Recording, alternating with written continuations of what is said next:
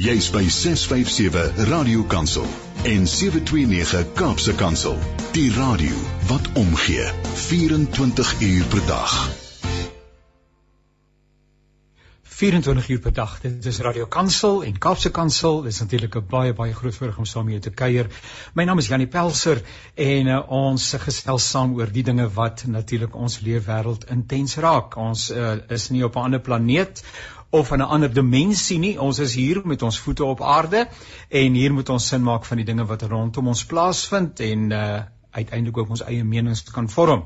Nou ja, ek sit maar vanoggend en dink aan die ou liedjie en uh, vir die van julle wat nou 'n bietjie ouer is, uh, sonder om my eie ouderdom te verklap, uh, sal die liedjie onthou nê. Uh, For Jackson and Jill say it's a strange strange world we live in Master Jack. Nou ja, die ou wêreld waarin ons woon is baie baie snaaks, interessant En uh dit sou ook natuurlik baie saai gewees het as daar dinge nie ietsie gebeur het nie. So ons kan nooit sê dat hier in Suid-Afrika ons verveeld is nie, want daar's altyd iets nuuts op die horison. Dis 'n heerlike voorreg om saam met te kuier hier op die senders van Radio Kansel. Onthou ook hierdie aflewering van ons saamgesels hier op Perspektief sal na die uh, uitsending 'n bietjie later beskikbaar wees as 'n potgooi by www.radiokansel.co.za en daar kan jy weer daarna luister en dit ook met jou vriende deel. Dis my 'n baie baie groot voorreg en dis my heel eerste geleentheid wat ek saam met uh, hierdie uh, besondere persoon mag kuier en ek is dankbaar daarvoor Dr. Llewellyn Llewellyn Kerloos. Uh, Goeiemôre dokter, gaan dit goed met u? Goeiemôre Jannie en ja, dankie dit is 'n lekker geleentheid om met jou te gesels. Ek het uh, net nou-nou net vinnig seker gemaak dat my koneksie met uh, professor Andre Dievenage in orde is en toe sê hy uh, vir my uh, uh, Llewellyn en ek as ek jou naam sommer so mag gebruik, uh, ek was verlede week saam gewees in een of ander burg of Lensburg of so burg uh, waar julle saam met ek dink die boerderygemeenskap gesels het. Ja, ons het die voorreg gehad om 'n simposium aan te bied daar uh, vir saai boere En uh ag dit was 'n wonderlike geleentheid en ek moet vir jou sê die opkomste was wonderlik geweest en die vriendelikheid van die mense het geen einde geken nie. Nou gesels nou nou maar met professor Andre Dievenage met wie ek gereeld gesels. Ons gaan 'n bietjie gesels oor die sogenaamde op sy staan beginsel wat dit beteken in die praktyk. Of wat iets beteken in die praktyk moet ek miskien liewer gesê het. Uh, so met die tong in die kies. En dan bietjie later gaan ons gesels met Andrei en ek gaan nie waag om die naam nou uit te spreek nie. Arnei Andrei uh, Chernia Skovsky hy gaan vir ons help uh, reg uit die Oekraïne uit waar hulle besig is om uh, vlugtelinge te akkommodeer en hulle te ondersteun in hierdie baie baie slegte hartseer getraumatiseerde tyd wat hulle daar beleef en hy gaan vir ons vertel van die werk wat hulle daar doen en wat letterlik op hierdie stadium op grondvlak besig is om te gebeur in in die Oekraïne. Maar ons kuier nou eers saam met Dr. Llewellyn Kerloos, strafregkenner. Uh Dr. Kerloos, die onluste van Julie verlede jaar verwys. Dit het natuurlik groot skade berokken, bedewensmense verlies daar in KwaZulu-Natal, ook in Gauteng. Uh ons luisteraars is daarmee baie baie bekend.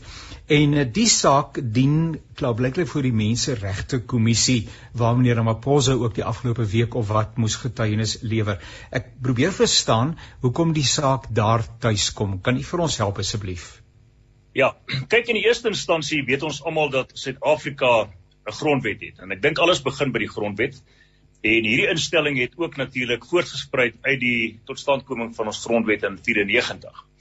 Nou as 'n mens gaan kyk na artikel 184 van ons grondwet, dan maak dit voorsiening vir sekere instellings wat uh, natuurlik tot stand kan kom uh ten einde uitvoering te gee aan die beginsels en die missie en die visie van die grondwet. Een hiervan is natuurlik die Suid-Afrikaanse Menseregkommissie.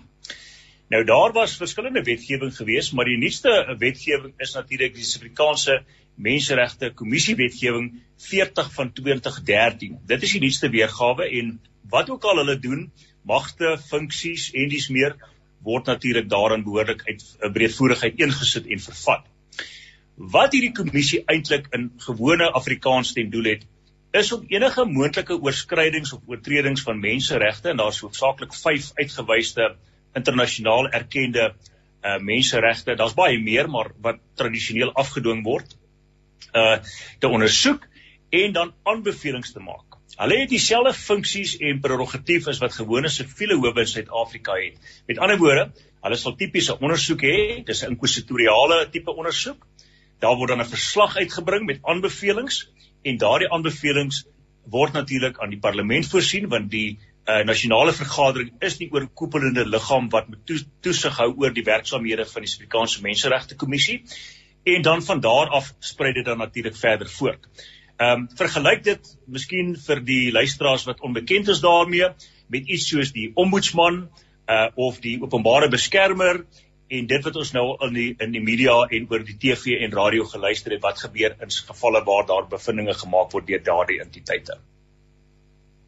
Nou ehm um, mag maar vir u sê Louwelen asseblief ek is Jannie uh, Louwelen ehm um, die die ontstellende feit dat niemand uh klop blyklik bewus was van die woelinge wat geheers het en wat aanleiding gegee het tot die onluste van uh verlede jaar Julie uh, uh nie Ehm um, dink jy dat dit as 'n verskoning aangebied kan word? Moes iemand geweet het en wie moes geweet het of kan 'n mens maar sê dis nou maar een van daardie dinge en dit is verskoonbaar? Nee nee, ek dink ek dink die mense kan ooit sê iets is verskoonbaar en ons kan net dood eenvoudig onder die tafel invee as as asof dit nie gebeur het nie. Dit is juis hoekom hierdie menseregte kommissie tans hierdie ondersoek van stapel stuur en hierdie getuienis aanhoor om te kyk of daar iemand moontlik aanspreeklik gehou kan word wat nie hulle werk gedoen het nie of wat nalatig was of wat verantwoordbaar gehou kan word vir daardie tragiese toedrag van sake wat ons in Julie verlede jaar in KwaZulu-Natal gesien het. Uh in 'n netedop.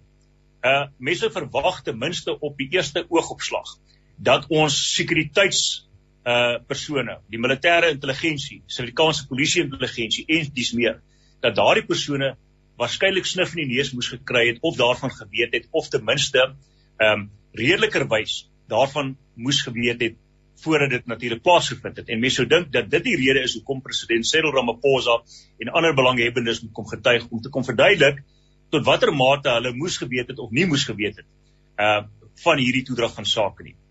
Net om dit in perspektief te plaas, wat gebeur as daar dan nou 'n bevinding is dat iemand moontlik aanspreeklik is?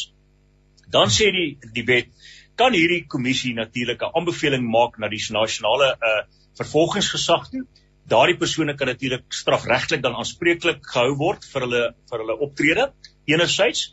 En dan natuurlik kan daar natuurlik ook siviele verrigtinge en stappe geneem word. Skadevergoedingseise kompensasie en dis meer. Uh baie duidelik uit artikel 184 van die grondwet en spesifiek um dit wat daarmee voortgaan uh voorsprei is dit duidelik dat um daar ernstige uh, uh, uh kom ons moet so dat dat, dat die howe ernstig hulle self gaan beheer rondom die aanbevelings van hierdie kommissie. As die aanbevelings van die kommissie uh dood eenvoudig nie die papier werd is waarop dit staan nie, byvoorbeeld. En ons ons ons ons, ons spekuleer nou hierso. Dan kan ja. daardie verslag natuurlik op hersiening geneem word. En die howe het dan ook 'n toesighoudende uh sambreel kom ons noem dit 'n uh, houding om te seker te maak dat die bevindinge ten minste redelikerwys uh verantwoordbaar is uh, en dat dit nie sommer net uh, uit die lug uit gepluk word nie. Met ander woorde, daar word erns uh, dit word baie ernstig opgeneem as ek dit so kan stel. Ja, dit is nou uiteraard geringe troos dat iemand nou na die tyd verantwoordbaar gehou word ja. want die lewensverlies was reeds daar, uh, die gewellige skade, die ontwrigting en alles wat daarmee gepaard gaan was reeds daar, maar is dit hipoteties dus moontlik dat uh onder andere dan die menseregte kommissie en wie ook al met hierdie saak te doen het die staat as die skuldige party kan uitwys en dat hulle kompensasie en dies meer sal moet ja. want ek bedoel wie anders is ooglopend dan nou hier verantwoordelik vir die veiligheid van die mense van Suid-Afrika Wel ja nee ek stem 100% met jou saam. Ehm um, jy weet hierdie uh, hierdie kommissie het juist ten doel om Jan publiek vir my en vir jou die belastingbetaler ehm um, ook te beskerm. Dis nie net die regering wat wat wat wat dit in die lewe geroep het wat beskerming geniet onder die vaandel van die Menseregte Kommissie nie. Die die ja. die missie en die visie van hierdie kommissie is juis daar om elke lid van die publiek, elke instelling wat bestaan, uh op 'n grondwetlike basis te probeer beskerm in die sin dat hulle sonder bevooroordeling, sonder vrees of enigiets wat daarmee gepaard gaan, hulle uitsprake moet lewer en toe te sien dat daardie 5 of meer menseregte wat tipies dan in gedrang kom in eh, op, op 'n daaglikse basis beskerming moet geniet. Want tragies sal die dag wees as die regering van die dag en staatsorgane nie verantwoordelik gehou kan word vir hulle doen en late nie. Inteendeel, ek sou verbaas wees as aan die einde van die verrigtinge daar nie 'n aanbeveling gemaak word dat of die polisie of miskien die weermag of miskien een of ander staatsinstelling, staatsentiteit nie direk of indirek aanspreeklik gehou kan word nie. Een van die uitdagings uh, wat ons nou al dikwels beleef het, uh, is dat uh, wat die samestelling betref van hierdie onderskeie kommissies hulle polities gekompromiteer is.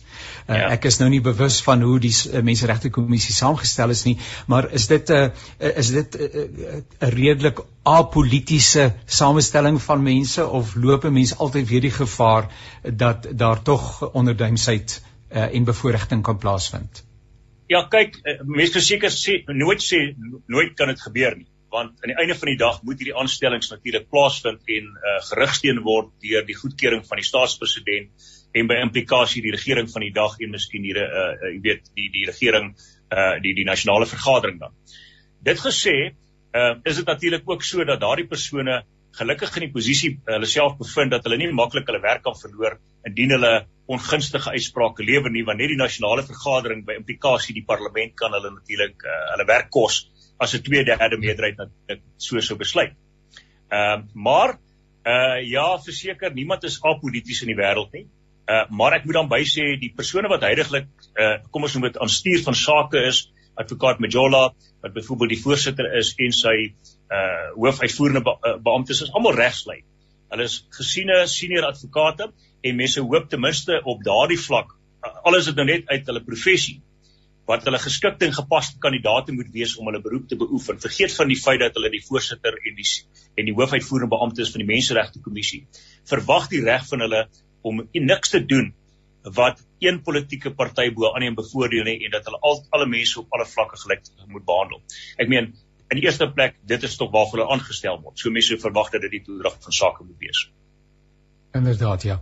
Ek ek verbaas my altyd ehm um, aan die oënskynlike deursigtigheid van die uh, heersende politieke uh, regerder in Suid-Afrika die ANC en die wyse waarop uh, by monde van meneer Ramaphosa daar uh, skulderkenning is, belydenis is in 'n sekere sin. Uh, ons is jammer hieroor. Uh, uh, uh, uh, uh, en as ek nou maar dink hoe dit daar ook na aanleiding van die afgelope uh, noue vergadering wat ek hier op die TV gevolg het of in afval 'n opsomming van gesien het, hoe dit daar openlik gepraat word oor partyskappe binne die politieke party en hierdie goed aangespreek word vir die res van Suid-Afrika om te hoor, dan verbaas ek my dat daar so 'n mate van eerlikheid is. Ehm um, meneer Ramaphosa sukkel nie om jammer te sê nie. Om te sê luister ons staan skuldig nie en ek het by meer as een geleentheid ek het 'n bietjie op die internet gaan kyk dis dis 'n ding wat hy nogal gereedelik gereeld doen. Dis 'n pragtige karaktertrek om te kan sê eh, ons staan skuldig, ons is jammer maar maar maar hy strategies belangrik. Die regering is strategies belangrik. Uh, kom daar nie iewers 'n punt waar 'n ou sê maar wag 'n bietjie. Dinge moet daarom nou skuif nie. Dis nou pragtig, ja. maar maar ons het ook nou aan die ander kant van jammer gekom. Ja, ja, nee, ek stem saam met jou. Natuurlik is dit 'n pleintjie in sy hoed. Uh as hy kan verskoning vra en hy kan opreg verskoning vra en 'n apologie gaan natuurlik 'n lang pad ook in die regs uh, uh, industrie. Jy weet uh, ons ons ons veral in in in baie siviele sake kan 'n apologie die verskil maak tussen 'n groot bedrag kwantum wat aan jou toegeken word of 'n mindere bedrag. En dit is so. Jammer is nog nooit 'n probleem gewees in die samelewing nie, maar dit gesê, soos jy reg opmerk, dan moet 'n punt kom wat iemand verantwoordelikheid moet aanvaar. Nou as die vader van die land of as die en ons praat van familievergaderings in COVID tydperk, ons het nou gesien so hy aanvaar hy is die die die die vader van die land en, en die staatspresident moet daai natuurlik bekleem. Uh is hy die een persoon wat mense verwag eerste moet staan om verskoning aan te bied wanneer die regering van die dag natuurlik nie hulle werk gedoen het nie of aangejaag het. Ehm um, soos wat ons al tot vervelings toe gesien het in die afgelope dekade. Maar dis goed en wel om dit te sê. Maar ek dink soos die Engelse baie keer sê the proof is in the pudding. Kom ons kyk wat maak hulle hiermee? jy weet dit ek, ek kan maklik om verskoning vra maar ek draai om en ek stap weg en ek sê dankie tog. Uh ons het nou gemaak of ons uh, jammer is maar niks gaan verder hiervan hier, hier word nie. Dit gaan oor die opvolgaksie wat plaasvind.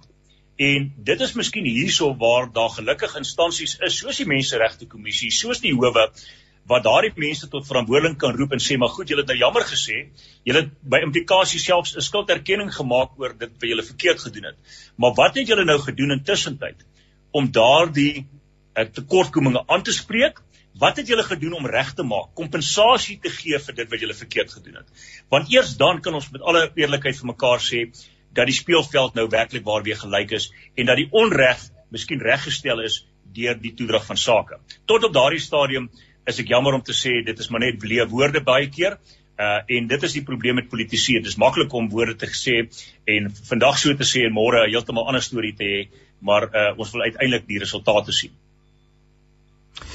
Ek weet uh, uh, ons ons gesels nou maar en u ligge mening uh, u kan nie noodwendig instaan vir alles wat in die binnekring van die ANC of van wie ook al gebeur of die menseregte kommissie nie.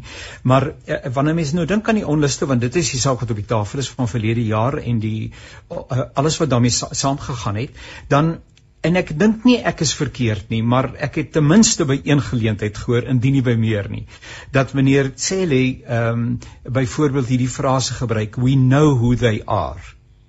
Uh, meneer Ramaphosa het by uh, die Menseregte Kommissie uh, weer 'n keer gesê dat die skuldiges sal aan die pen ry. Nou dis 9 maande later. Ek is nie bewus dat ek miskien het ek dit nog nie raak gelees nie, maar van een enkele persoon benemens die staat as 'n sekondêre rolspeler as ek die woord sou kan gebruik. Uh wat in hierdie verband aangekeer is nie. Kom ons sê dis sommer vir dit wat dit vir, vir wat dit is. Nog niemand is aangekla of skuldig bevind uit dit wat voortgespruit het uh uit laas jaar se verrigtinge in KwaZulu-Natal nie. Ek meen dit is die tragedie van die hele toedrag van sake weet daar is dit was baie vinnig geweest om te sê maar ons sal hierdie mense tot verantwoording bring, ons gaan hulle voor die howe bring, ons gaan hulle aankla krimineel en hulle gaan hulle dag in die tronk uh, uitdien. Maar tot op hede het dit nog nie plaasgevind nie. So met tong in die kies vra ek myself die vraag net soos wat jy vra. Jy weet, was dit nie maar net weer 'n klomp leë beloftes wat aan die publiek gemaak is om net hulle te paai, alles is dan net tydelik nie. Ehm um, ons ons kan dit vergelyk met ook die uitsprake van die Sonderkommissie. Nou gelukkig daar's nog tyd vir daardie kriminele strafregtelike vervolgings om plaas te vind want die staatspresident het vir homself tyd ge, ge, geskep deur te sê hy sal 6 maande of wat ook al daarna uh seker maak dat daar begin stappe in die regte rigting geneem word. Maar as as daarna 9 maande of amper 'n jaar wat verloop het sedert verlede jaar se onderste nog niemand doen ons waardig skuldig bevind is nie dan vra ek die vraag gaan dit ooit gebeur? Natuurlik moet ek by sê en dit is daarom uh, iets wat ons in gedagte moet hou die staat het baie tyd hulle 20 jaar min of meer om enige vervolging strafregtelik in te stel in terme van artikel 18 van ons strafproseswet voordat 'n strafsaak verjaar. So dis nie soos in siviele sake wat na 3 jaar dit neusie verby is nie. Ehm um, hulle het daarom tyd. En gewoonlik is die argument ons wil seker maak van ons feite voordat ons die saak voor die hof bring want wanneer ons eenmal aankla het ons nie 'n tweede kans nie. As 'n persoon dan eenmal onskuldig bevind word omdat ons nie ons getuienis reg gehad het nie, ons het nie ons sogenaamde eende in 'n ry gehad nie, dan is dit neusie verby. So, uh, ja. eerder 'n bietjie stadiger die vervolging van stapel stuur en seker maak dat daar 'n suksesvolle vervolging is as om hals oor kop in te spring uh en net aan te kla links en regs en almal stap skotvry uit. Want dan kan ons sou nie weer daarna aankeer nie. Dis 'n internasionale erkende beginsel in strafreg dat as jy eenmal onskuldig bevind is, dan mag jy nooit weer op dieselfde feite aangekla word nie. Ehm um, so ek dink dit is maar hoe dit uh uit, uit daai geleerde geargumenteer word. Ja. Net uh, verskoning 'n laaste gedagte Partykeer voel dit vir my so asof ons in Suid-Afrika grondvlak mense uh amper 'n tipe van vervolgingswaansin as ek die woord kan gebruik begin ontwikkel het. Uh, wat eintlik half siek is nê nee, ou is eintlik ongemaklik daarmee dat jy in jouself hierdie behoefte uh is die verkeerde woord aanvoel dat mense wat skuldig is nou aangekeer moet word. Uh, en in die sogenaamde oranje uniforms. En dis nie 'n mooi ding nie om dit vir ander mense toe te wens nie. Aan die ander kant eh, wonder ek net of ons nie in Suid-Afrika besig is om 'n kultuur van wetteloosheid te ontwikkel. Uh omdat mense soms mag voel maar dit kom in elk geval tot niks nie. Uh uh en en en en die prys wat ons op die lang duur 20 jaar is 'n verskriklike lang tyd. Die prys wat ons op die lang duur betaal en is mense maak net kyk na die aard van kriminaliteit in Suid-Afrika, die onveiligheid, die hoeveel hoeveelheid mense wat vandag in Suid-Afrika vermoor sal word, 52 3 458 mense wat vandag vermoor sal word. Is die narratief, die sit narratief nie, maar weet jy, ons gaan in elk geval daarmee wegkom nie.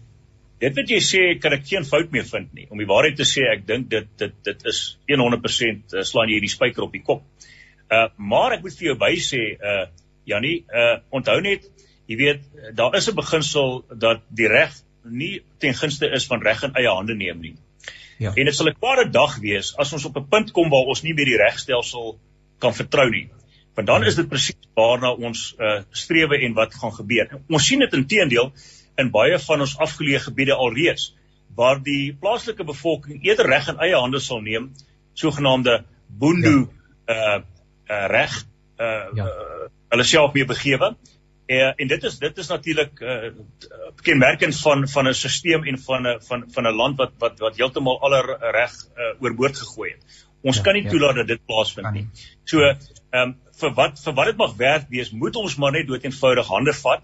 Ons vertroue op die regstelsel uh plaas, die regte mense natuurlik aanstel om toe te sien dat uh, dat die reg nog steeds gehandhaaf word, want slegs slegs dan in my opinie sal ons kan wegbeweeg van hierdie van hierdie toedrag van sake waar mense die gevoel kry maar niks gaan in elk geval gebeur nie. As ek nie self uh, optree nie, uh, dan kan ek dit maar net sowel los nie. En dit is ja. ongelukkig 'n tendens wat ons sien uh, in in baie dele van Afrika. Uh en die die uiteinde is is baie sleg. Uh hopelik sal dit nooit gebeur nie en in, daar is gelukkig uh, instellings en ek wil nie nou spesifieke name noem nie, uh maar die maar die beginsel is daar is van die instellings wat baie meer gemeenskapsgeoriënteerd raak. Uh om hulle gemeenskappe op te hef om na hulle self te kyk, selfondersteunend te wees, um gemeenskapveiligheid daar te stel in eie geleedere en dit is miskien die ding van die toekoms. Uh want slegs dan sal daar altyd een of ander toesighoudende uh oog wees op die reg en dit wat daarmee gepaard gaan. Dr. Llewellyn Kerloos, dis heerlik om saam met u te kuier en saam met u gesels. Ek leer ook sommer baie en ek vertrou dat ons in die nabye toekoms weer met mekaar kan skouers skuur. Ek weet nou nie of dit Dr. Andre is, professor Andre is wat ek hier op die ander skermpie sien nie, maar dalk is dit my deelnemer van die Oekraïne en uh maar uh, ek ek wou sê dan kan jy daarom vir hom dag sê daar is hy. En nou julle het mekaar 'n week laas gesien. Dalk eh, prof Andre, wil u net gou vir vir, vir uh, Llewellyn groet?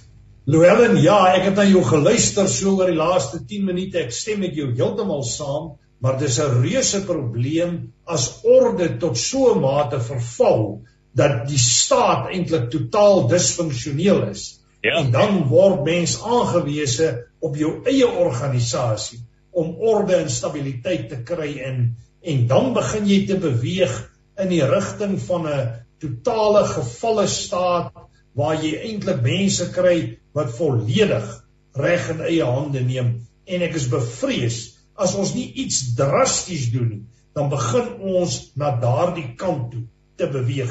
Maar jy's reg dit gaan oor orde stabiliteit sekuriteit en waar ons kan moet ons die regstelsel bemagtig en versterk. Baie dankie. Ja daar en dit uh, sterkte met jou onderhoud ook. Dankie Baie dankie eh, vir Llewellyn, dis heerlik om saam hier te kuier. En wat dan nou verband hou eh, met hierdie saak wat ons met Llewellyn bespreek het, is die sogenaamde op sy staan beginsel en dis waaroor ons gaan gesels saam met professor Andre Dievenage. Prof, dit gaan goed met u? Ja, dankie Jannie, dit gaan baie goed, dankie. Ek is dankbaar om dit te hoor. Nou, professor, uh, uh, ons het nou 'n bietjie gesels met uh, met uh, Dr. Llewellyn uh, oor ehm um, uh, aanverwante sake, die optrede van ons uh, staatspresident by die Menseregte Kommissie oor die onluste van verlede jaar. Ehm um, ons ons kom nou by die sogenaamde op sy staan beginsel. 'n uh, uh, Mens hoor dikwels hierdie terminologie, maar jy sien heeltemal seker wat die inhoud daarvan is. Die help vir ons asseblief, waar kom dit vandaan en wat is die bedoeling van die sogenaamde op sy staan beginsel? Uh, Jannie uh, dit staan teen die agtergrond en verwysing na eskalerende en endemiese korrupsie binne die groter Suid-Afrikaanse samelewing, die staat en dan ook in besonder in die politiek van die ANC. En wat baie duidelik is, is dat hierdie korrupsie se besluitnemingspunt daar waar alles bymekaar kom heel dikwels lê binne die raamwerk van die ANC en word ANC leierskap geïmpliseer.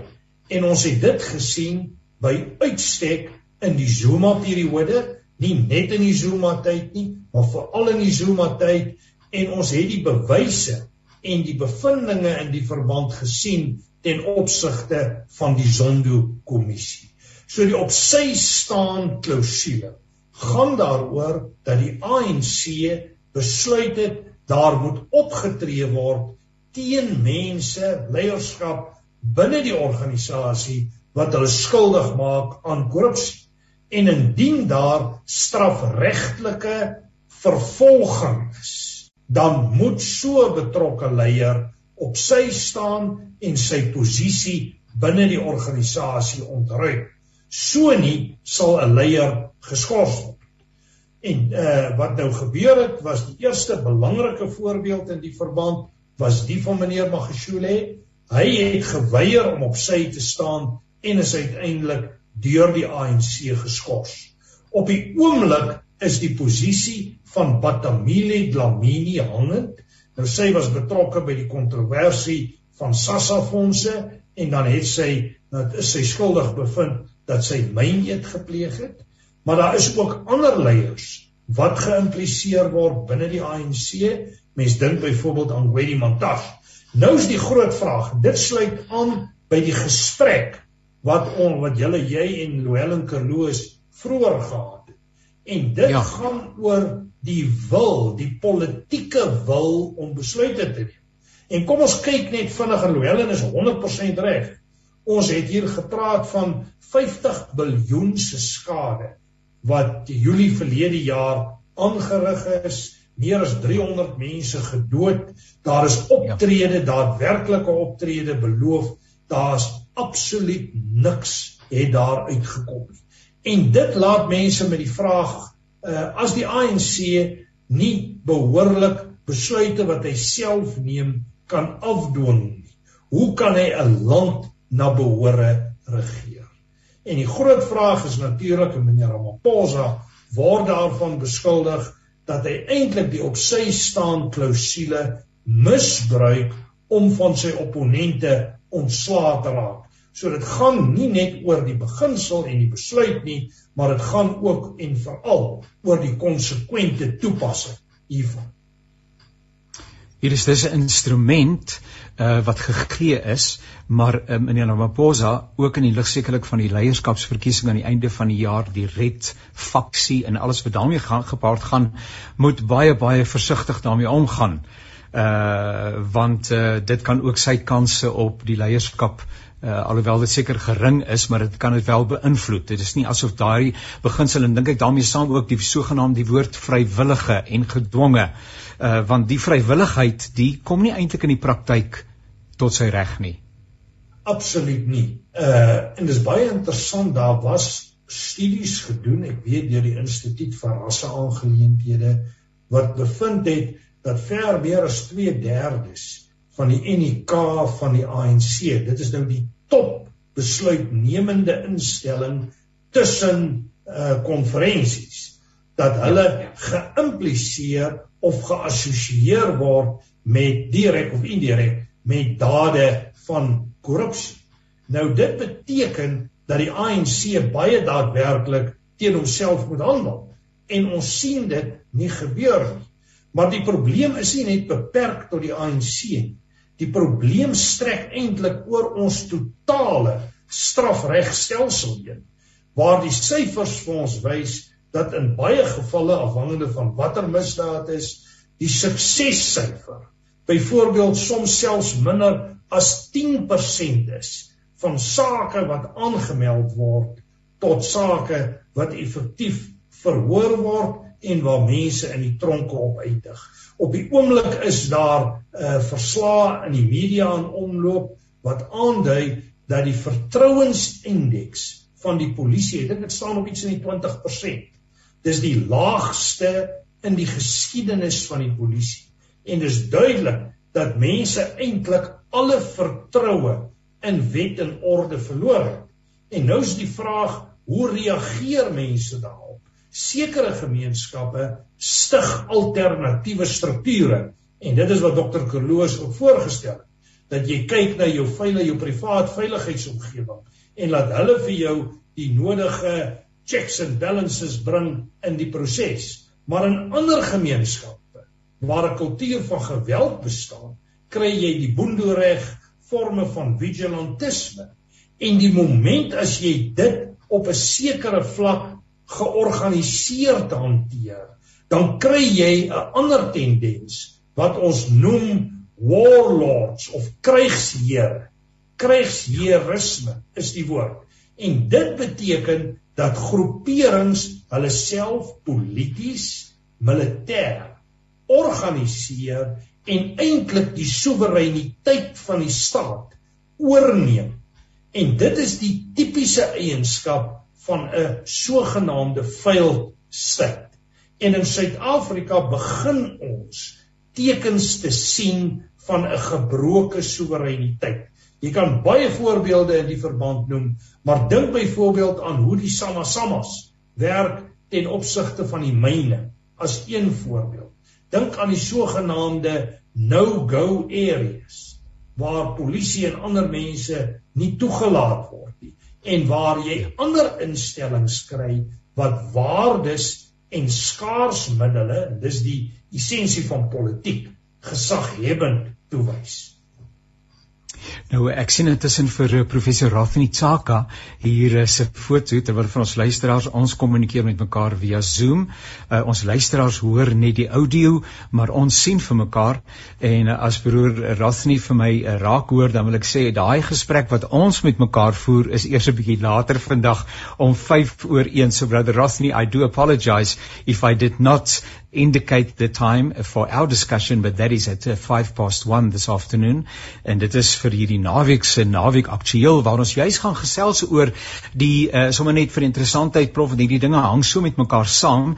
Gaan gesels oor 'n uh, 'n uh, 'n uh, 'n uh, uh, term uh, frase wat deur ons staatspresident gebruik is in die staatsrede maar op baie ander plekke gebruik word. En dit is die stryd wat daar in Suid-Afrika aan die gang is om sy siel die siel van Suid-Afrika, die stryd, uh, the struggle for the soul of South Africa. En dit is waar Broer Rothney later vanmiddag gaan saamgesels met 'n paar ander uh, rolspelers. Maar kan nie net vir my vir ons bietjie sê prof uh, Andrei ehm um, vandat 'n persoon geïmpliseer word by 'n uh, uh, iets wat dan nou uh nie in orde is nie. My my taal laat my in die steek iets of vir my help. Ehm um, hoe verloop so 'n proses? Uh en waar kom die integriteitskommissie nou in? Ek ek ek het eers iewers raak gelees dat meneer Ysmakashule het gesê ek sal liewer voor die integriteitskommissie verskyn. Nou is dit een van die stappe in die proses om iemand dan te bring by die plek waar hy vrywillig uh, uh, afstand doen of beroep hy hom daarop om daarvan te ontsnap? En Janie, ek wil net eers hier vinnig kwalifiseer. Ons praat nou nie oor die Suid-Afrikaanse reg en Suid-Afrikaanse regsprosesse nie. Ons praat nou van die proses wat binne die ANC uitspeel, die op sy staan klousule.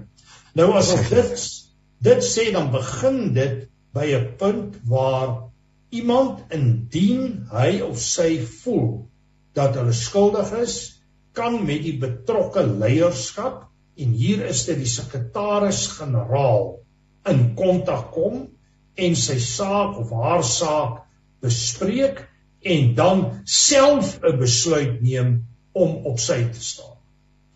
Indien die proses nie daai rigting loop nie en daar is genoegsame getuienis, dan kan die saak binne die ANC verhoor word en dan word dit verwys na die betrokke kommissie waarvan jy praat. En die kommissie maak dan 'n bepaalde aanbeveling. En die aanbeveling moet dan oorbesluit word by die nasionale uitvoerende komitee van die ANC en dit is nie die nasionale werkskomitee nie Die nasionale werkskomitee is 'n leierskapgroep van binne die NEK, maar hulle moet eintlik 'n kabinet in die klein hê. Hulle kan nie die besluit neem nie. Hulle kan weliswaar aanbevelings maak. Dan beweeg dit direk na 'n NEK vergadering toe en dan word daar oor die lot van die persoon besluit.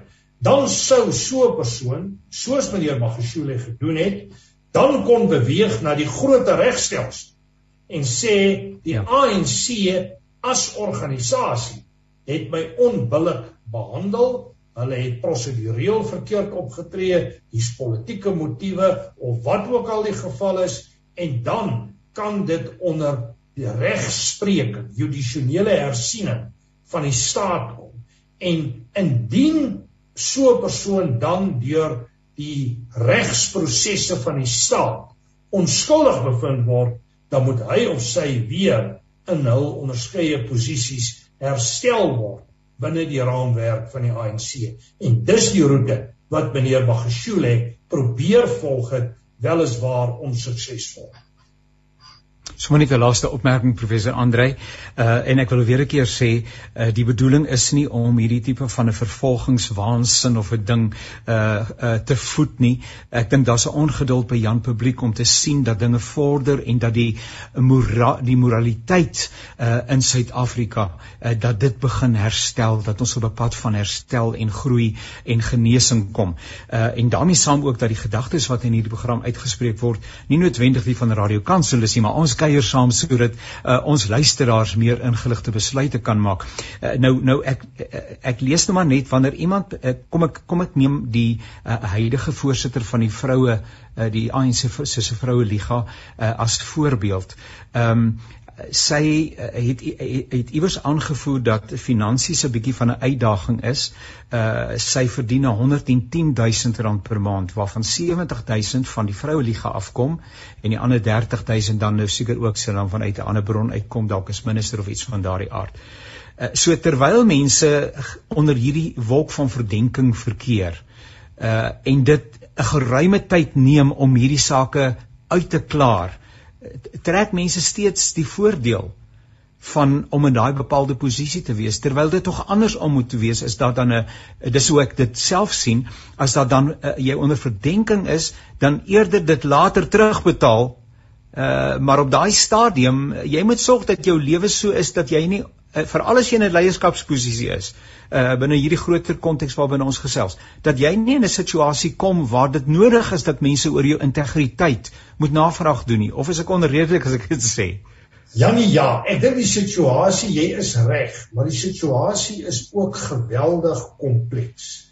Die sentrale regsbeginsel wat hier bestaan is jy is onskuldig tot 'n regsproses jou skuldig bevind En nou het ons gesien wat maak meneer Zuma en Magashule en ander. Hulle volg die sogenaamde Stalingrad strategie waar volgens hulle eintlik regsprosesse ondermyn om voort te gaan. Kyk hoe lank is die reg nou al met meneer Zuma besig?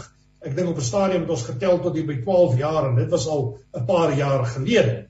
So die regsproses vorder nie. So ek dink nie daar's 'n fout met die beginsel, maar daar is 'n probleem met hoe politici en sentrums van mag die reg en die oppergesag en die onafhanklikheid van die reg ondermyn. Want ek dink daar's genoeg wette in Suid-Afrika om sodanige ja. prosesse te hanteer. As ek van iets verdink word, dan kan ek onmiddellik geskort word. Ek kry weliswaar my salaris, maar ek is uit my pos tot tyd en wyl daar 'n uitspraak op watter vlak is oor my toekoms. Nou dit behoort nie 12 jaar te neem nie. Dit behoort ja. afgehandel te kan word in enkele maande. So as ons daai prosesse volg, is daar nie 'n probleem nie. Maar nou sit ons met die konstante ondermyning van die regsproses. En daar wil ek weer sê wat Louwelen se kollega Koos Malan met wie ek ook gereeld praat, 'n boek oor geskryf het, There's no supreme constitution. Ons kry nie meer die grondwet toegepas nie. Mag bepaal reg en nie reg mag nie. En daar lê die groot frustrasie en dan het ons duidelik nie demokratiese mensereg georiënteerde prosesse meer. Altyd 'n wonderlike voorreg om saam met te kuier, 'n professor. Ek leer so baie van u. Ek is oortuig daarvan dis presies dieselfde met ons luisteraars. Dis hoekom ons hierdie besprekings het sodat ons by mense wat weet en beter weet meer inligting kan kry. Mag jy 'n baie geseënde dag hê en baie baie dankie dat jy altyd gewillig is om saam te kuier. Ons waardeer dit opreg. Baie dankie Janie. Nou ja, so gesels professor Andrei Dievenage en hy is natuurlik verbonde aan die Noordwes Universiteit en uh, ons het heerlik gekuier rondom uh hierdie baie belangrike beginsel, die op sy staan beginsel, vroeër ook gesels met uh met uh, dokter ehm um, Kerloos uh oor aanverwante sake. Nou uh, ek het nou die groot voorreg om te gesels met uh Andre, and uh, so I'm going to switch to my best English. Andre, brother Andre, it's wonderful to uh, to have you as a guest. Let me just for a moment again draw Rothny Chaka's attention to the fact that our recording uh, is for 13:05 this afternoon. It's, but you're welcome to stay tuned, uh, brother Rothny. But I see you on the screen because this is a Zoom um, based uh, encounter, and, uh, and and and in case you have forgotten or have not indicated it clearly clearly it is for 13.05 this afternoon. Nevertheless, uh, Brother Andre, uh, thank you so much for uh, making the time to uh, be with us. Uh, you are in the Ukraine, we are in South Africa, and uh, via the wonderful gift of technology, we are able to communicate with one another and find out what is happening uh, on your part, in your part of the world, which we are very much aware of, and so on. Please help me with the pronunciation of your surname to start with. My surname is difficult to pronounce because it's actually rooted to Western Pol to Poland name or something like the Belarus Chernyavsky. Chernyavsky. Chernyavsky. Chernyavsky, exactly. So don't be very upset if you don't pronounce it correctly. I got used to it, so it's very okay. No, Thank you so much. But I'm going to stay and stick to Andre because okay. that's more pronounceable. But thank you so much for joining us. We are really uh, very, very thankful. What is the time in Ukraine at the moment? It's now from where you are 46, 1246, just one hour ahead from South Africa. One hour ahead and so on. Brother Andre, please tell us something about yourself to start with. Perhaps your uh, family. In short, we would love to get to know you a little bit better. Okay. I live in Kharkiv, uh, must say lived in Kharkiv for now, for around 30 years, even more when I entered the university, aerospace university. I graduated university, then got married, uh, become postgraduate student, then start as assistant teacher there and uh, now after more than 25 years of working, I am heading an uh, engineering geometry and computer modeling department there at this university. Uh, two children. I'm married. Uh, my wife Stania. I have two children. Uh, son Vladimir, he is 22, and daughter Nadia, she is 18. My son is still in Ukraine. My daughter is fortunately she in France now is helping actually a friend of mine, South African, a son of a South African missionary, Johan du Toit is helping her now. It's taking her. I see. see. Now, you are involved with a center. It started as a mission center.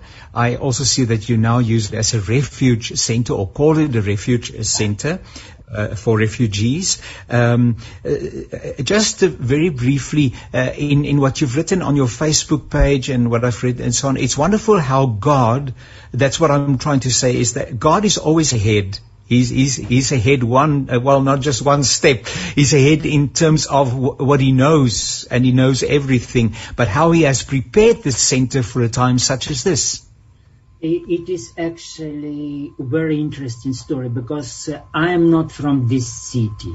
Uh, a good friend yes. of mine, Igor Kursky, is pastor of the local church here. We got acquainted for more than 20 years ago when we were young Christian.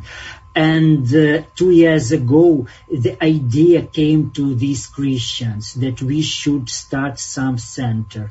And city authorities gave them for rent for very low price the building of former dental clinics here and they started program they started helping with people with disabilities physically challenging people started program for children and this was the the time of their training how they actually felt like how they can match each other how they can tell people how they can prepare bed all bed belongings like this. And i can tell you more uh, this building was cut off uh, from heat in that time. And can you imagine? They decided this idea came to them to make by themselves uh, yes. new heater for them, new heater, and uh, yes. with, fire, with the firewoods. And uh, later on in the church they said that without that heating system people would die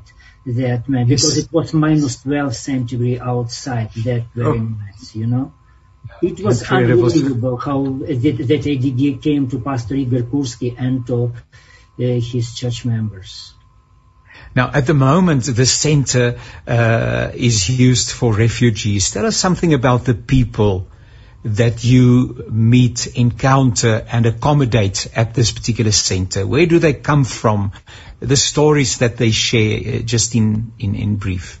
Mm-hmm. Okay. Uh, about you know people from different parts of Ukraine, mostly like from our native city because I'm from the big city Kharkov, one and a half million people there, from Kiev and small cities around Kiev like Vasilkov, Bucha, Irpin. Now you know these cities, unfortunately, I must say. Yes. Yes. From the cities who were under attack first, like my housing complex is very close to Russian border, for instance, 25 minutes driving from Russian border, and from the very early morning we felt it, and then we were just led by Holy Spirit, and it was difficult to pick up stuff and then to start driving. Uh, stories of yes. my grand grandfather helped me a lot how to do it seriously. And yes. about people, everybody has different story everybody. To some extent, they're same because first people have to survive shock. And I understand them because I also survived shock that very moment. Because when I went to collect my car, I saw and I heard missiles over the head and explosions like blast. And I'm not a military person, you know, difficult to get yes. used to it. First, it is shocking. Yes. You are like partly paralyzed and you are just doing everything like programmed. Like my wife, she's daughter of also a former military officer. We were just making step by step. which helped us a lot. And other people, so that's why we understand why they're so shocked, you know, because people left their homes, their houses. Some of them even like stayed there for several days. And it just got worse for those who stayed there. For instance, my neighbors, I wrote in on Facebook, had to spend nine in my apartment because in their apartment with the explosion, all, all glass is broken. In my apartment too, but just half of apartment is, with, without glass now. Yeah. Uh, Brother Andre, help us to understand, uh, rather your understanding of of what is happening at the moment uh, in terms of the, the, the tension between Russia and Ukraine, um, the terrible stories and graphic material that we are seeing for communities that are totally uh, just blown away. Uh, nothing remains of infrastructure. Uh, people being killed. Um, uh, uh, uh I've heard just yesterday again your your president um, speaking about the the, the the, kind of atrocities that are happening to people. It is it is you cannot even imagine that people can do this. One person can do this to another person. Trying to work with this reality, what's happening in your own heart and in the hearts of the people, and then the God question: Where is God in all this? Uh, why does God allow us to go through this? This fiery ordeal? ordeal? Actually, it's pretty, it's really not easy question. Why? Because it is, what is happening here is the same as it was happening two year, 2000 years ago when Neron Emperor just uh, murdered Christians, you know. 500 years ago during all this process, even 70 years ago during the Second World War, you know, like 20th century brought us cruelty in a very high level, you know, during Nazi campus. So this is the same. This is just the nature of, uh, I say people, just devilish nature which appears that time. About confrontation between uh, Ukrainian and Russian. Uh, it's very hard to say, very hard to give like some esteem because uh, not just in mentality. It's uh, pretty difficult to say. Like uh, it depends on process that goes on in Russia. It's like democracy. It's like process of democracy because we almost, you know, we almost forgot that democracy is just product of Protestant of Protestantism in Europe. You know, with the development of Protestantism, developed human rights, democracy, and all these things. Here in Eastern Europe, especially in former Soviet Union, we are very young. For instance, we we are first generation Christian now. That's why I really, for instance, when I see Christian from from South Africa, from United States who are Christian in generation, like Leon Dutoit and Jacobi, who played a big role in our life. You see, we are really happy for them, but in here we are a lot like that. We are young, so we have to overcome so many obstacles in our life. Same about country. Ukraine is a, very, is a very young country and people, they really want freedom. They really want to be free, you know. Yeah. About cruelty, so, so, this is just uh, humans like uh, bad, uh, bad attitudes. I, I don't know how to explain. I think the same explanation from Nazi Germany. Seriously. Yes, yes. Yes, and I, I concur with you that there are so many things that we do not understand. Yet, um, your understanding or, or, experience of God's presence in spite of, uh, in what way do you experience God as a present reality in the midst of the trauma? Absolutely unbelievable, unbelievable presence of God. In my life, how we moved out of Kharkiv, how we went there back again, the uh, physical, his direction, what road should we go through, what road should we come back like this, because the approximately the same time the, there was a shelling and one family died in the car, that same time, you know, and people in the term people here also and the presence in the heart because this time hearts are open to listen good news you know? And the christian with their acts now they show the real presence of jesus christ that they're different from our life you know? It's not difficult to discern christians now here because they have something some foundation inside light yes. of christ inside of them and they appear it and prove it by their action, you know. Sleeping just couple hours a day, you know, helping and helping people. Sometimes they will ask it, why you're doing so? Uh, because, because, because this is because who we are. We are children of God. And this is what He has commanded us to do. What a beautiful answer. This is who we are. We are children of God. And this is what He's commanded us to do.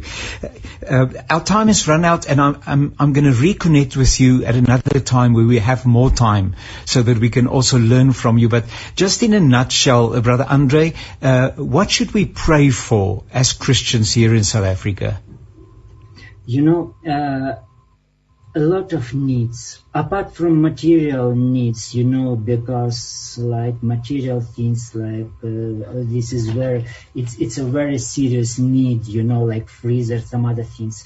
But the most important for revival for revival in the soul for comfort in the soul for people could come to christ to there could be more missionaries missionaries here like more humanitarian help and uh, more people who can take care of people. Because a lot, like the local people from here, when we arrive at and Pastor Igor, just stay there and talk to people. Stay in the center and talk. My wife Tanya always want to help with cooking with somebody else. And landladies here say, no, no, no, please stay there and talk.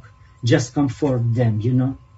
Just people comfort. they even did not understand. We even did not tell them of, about Christ. We just first talking, talking to get them out of the shock they were in its shock was very deep. It was like suppressed, compressed somewhere deep. One military officer, I can tell you, uh, he started smiling after a week of constant talking to him, every day talking. He just started yeah. here, and he is former retired military officer, and he helped. And it took him. Yes. It took him a week before he could just get his smile exactly, back. Exactly. You're very right. Yeah, incredible. Brother Andre, thank you so much for connecting with us. Um, please be assured of our prayers here at Radio Pulpit and K Pulpit, the Christian community in South Africa. We are praying for you. The local church where I am at, we had a, a service where we just just took time to pray for you and to intercede for you. And may God uh, be with you in a very, very special way. May He strengthen you. May He send that revival that you have spoken of. And thank you for the, for the example that you are setting and for the encouragement that you are giving to us as Christians, really? knowing that also in spite of trauma, God is not absent. So please look after yourself. Give our best regards to your wife, your children when you do connect with them, and uh, and also to your co-workers there at the, the uh, at the center.